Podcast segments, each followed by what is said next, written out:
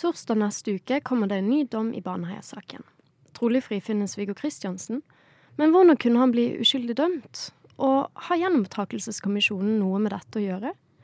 Dette har vår reporter Runa gjort en sak på, og den kommer nå. Jeg vil be Borgarting lagmannsrett om å frifinne Viggo Kristiansen i gjenåpningssaken. Tidligere i år ble det kjent at Baneheia-saken skulle gjenåpnes. Baneheia-saken er en av Norges mest alvorlige straffesaker, der to jenter på åtte og ti år ble voldtatt og drept i Baneheia, Kristiansand 19. mai 2000. Her ble to menn, Viggo Kristiansen og Jan Helge Andersen, dømt. Men der Andersen erkjente delvis straffskyld, hevdet Kristiansen hele tiden at han var uskyldig. Kristiansen har siden den gangen jobbet med å få saken sin gjenopprettet, slik at han kan bevise sin uskyld. Men han har ikke lyktes, ikke før i februar 2021. Da hadde saken hans vært sendt inn til gjenopptakelseskommisjonen hele syv ganger, men blitt nedstemt. Som sikkert mange vet, frifinnes Kristiansen med stor sannsynlighet. Spørsmålene er derfor mange. Hvordan kunne noe sånt skje?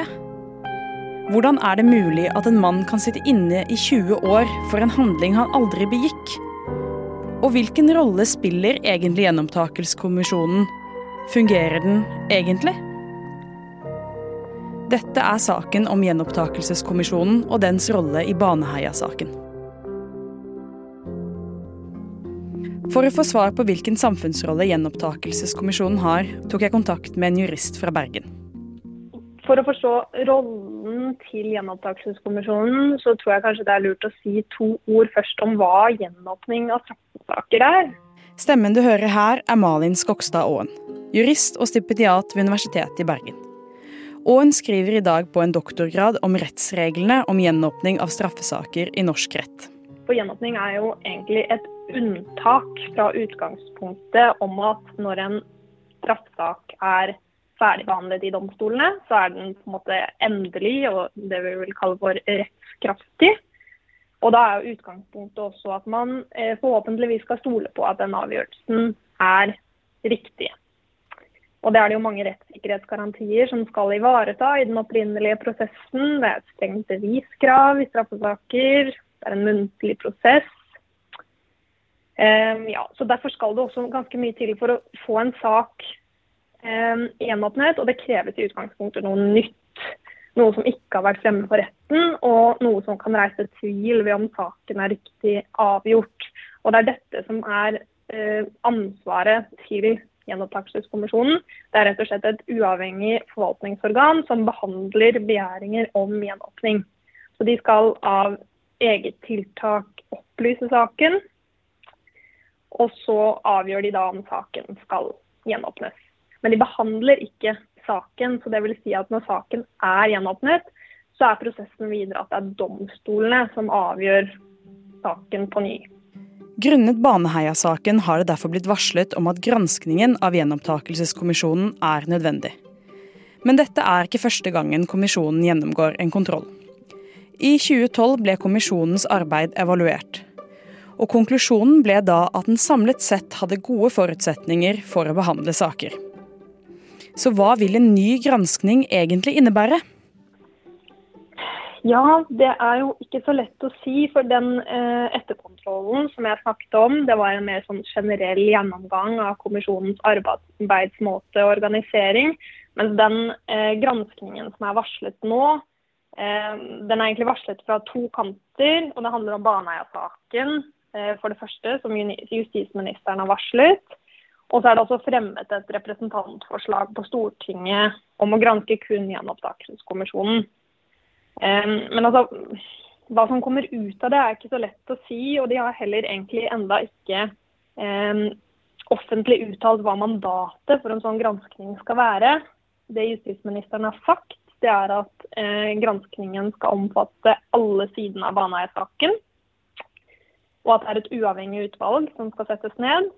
Um, så Det vil jo si at både etterforskningen av saken, som ligger langt tilbake i tid, på 2000-tallet, um, domstolsbehandlingen, som da var, skal gjennomgås, og gjenopptakelseskommisjonens rolle. Så hva den, dette representantforslaget eh, ønsker å granske utover det, det er jeg litt usikker på. Og der er heller ikke prosessen eh, ferdig. Høringsfristen der går ut i 10.1. Som Aaen påpeker, må granskningen av Baneheia-saken og kommisjonen ses på i lys av hverandre, og som to separate saker. Det er viktig at ikke én sak overskygger gjenopptakelseskommisjonens samfunnsbidrag i sin helhet. Aaen understreker at vi historisk sett ikke har noen gode alternativer til gjenopptakelseskommisjonen. Allikevel er det viktig å påpeke at en granskning er nødvendig. Og at det er høyst viktig å finne ut av hva og hvor det har gått galt. For hvor ligger egentlig problemene når det gjelder Baneheia-saken? Vi vet ikke enda eh, hva som er på en måte de avgjørende grunnene til eh, at det har gått galt. da i denne saken. Så det, det er et viktig, viktig, spørsmål som en, en granskningsutvalg eh, må se nærmere på. Og disse tidligere granskningsutvalgene har jo konkludert bl.a.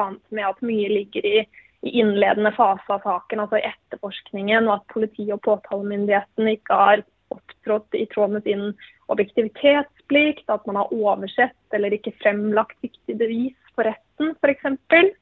Um, og i Baneheia-saken så er det særlig DNA-bevis som har vært uh, det springende punkt. Um, sånn at det er veldig vanskelig å si om problemet, hvor problemet eventuelt ligger. Um, så det, det blir uh, veldig spennende og, og, viktig å få mm. avklart.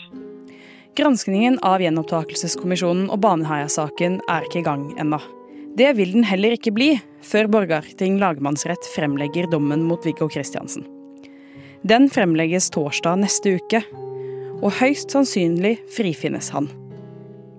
Det er ingen tvil om at saken er av høyst alvorlig grad, og at dette muligens blir Norges hittil største justismord.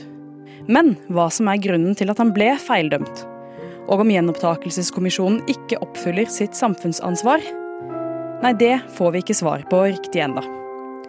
Inntil rapporten legges frem, kan vi bare spekulere.